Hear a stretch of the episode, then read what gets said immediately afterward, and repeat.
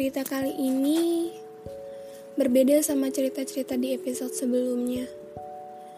Kalian masih ingat episode bungkus pertemanan? Ini masih relate sama episode itu. Kalau kalian masih ingat, di situ saya pernah bilang untuk janji mau nyerah. Dan udah banyak janji sama diri sendiri yang saya lupain. Dulu, Berbulan-bulan saya dan teman saya itu hilang komunikasi. Dia semakin jauh, dia semakin asing. Ternyata lebih baik merasa asing sama orang yang emang kita nggak kenal ya, daripada merasa asing sama orang yang dekat sama kita. Ya, dulu begitu. Tapi sebulan atau dua bulan belakangan, dia muncul lagi ke permukaan membawa cerita yang saya tidak hadir di dalam ceritanya. Dia menceritakan tokoh yang berbeda. Mungkin itu yang buat saya tidak terlalu suka hujan akhir-akhir ini. Hujan tidak membawa saya merasakan perasaan-perasaan yang saya rasakan sebelumnya. Cappuccino juga tidak membantu banyak. Gimana ya jelasinnya? Hmm, kalian pernah nggak kehilangan?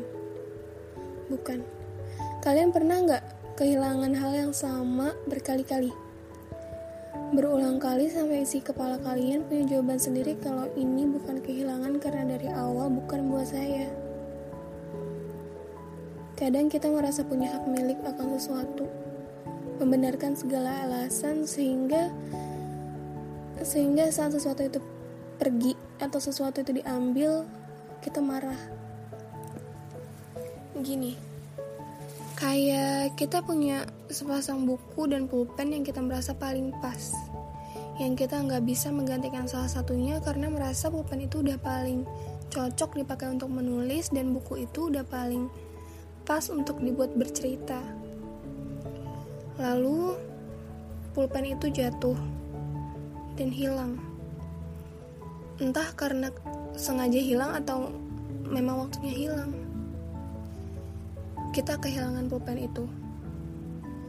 Tapi bukunya masih ada. Bukunya masih ada sama kita. Bukunya baik dan tersimpan rapi. Tapi kita nggak bisa lagi menulis cerita di situ. Kita nggak bisa menulis hal-hal menyenangkan dan menyakitkan lagi. Buku itu harus dibiarkan kosong. Hanya halaman pertama yang sempat tertuliskan kata sapa dan perkenalan kehilangan sesuatu yang masih bisa kita lihat, yang masih hadir di kehidupan kita tapi harus dibiarkan jauh. Hmm, gini nih yang namanya ingkar janji sama diri sendiri, sampai harus merasa kehilangan berkali-kali. Saya kira saya bisa nggak capek untuk menganggap kebersamaan yang ada sudah cukup. Tapi saya salah. Saya gagal untuk gak capek. Saya gagal untuk merasa nggak capek sama teka-tekinya dia saya mau keluar dari lingkaran ini. Saya rasa daripada kehilangan dia, saya sudah kehilangan diri saya sendiri sejak lama. Dan itu gak baik. Gak baik merasa punya hak milik, padahal apa sih yang kita miliki di dunia? Toh diri sendiri aja bukan seutuhnya milik kita. Dan kenapa sih untuk bahagia harus bergantung sama orang lain? Padahal untuk menjalin suatu hubungan, apalagi berbagi hidup dengan orang lain, bukan tentang saling meminta atau memberi bahagia. Perasaan bahagia itu datang dengan sendirinya tanpa harus melakukan hal banyak.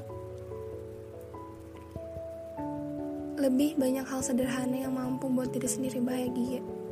Dan bahagia itu datang dari diri sendiri, bukan orang lain. Saya rasa kehilangan adalah kelemahan manusia kelemahan saya.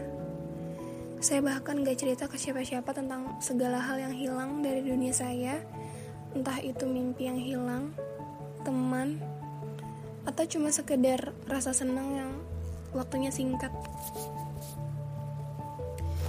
Semakin ke sini, semakin dewasa, saya jadi lebih paham.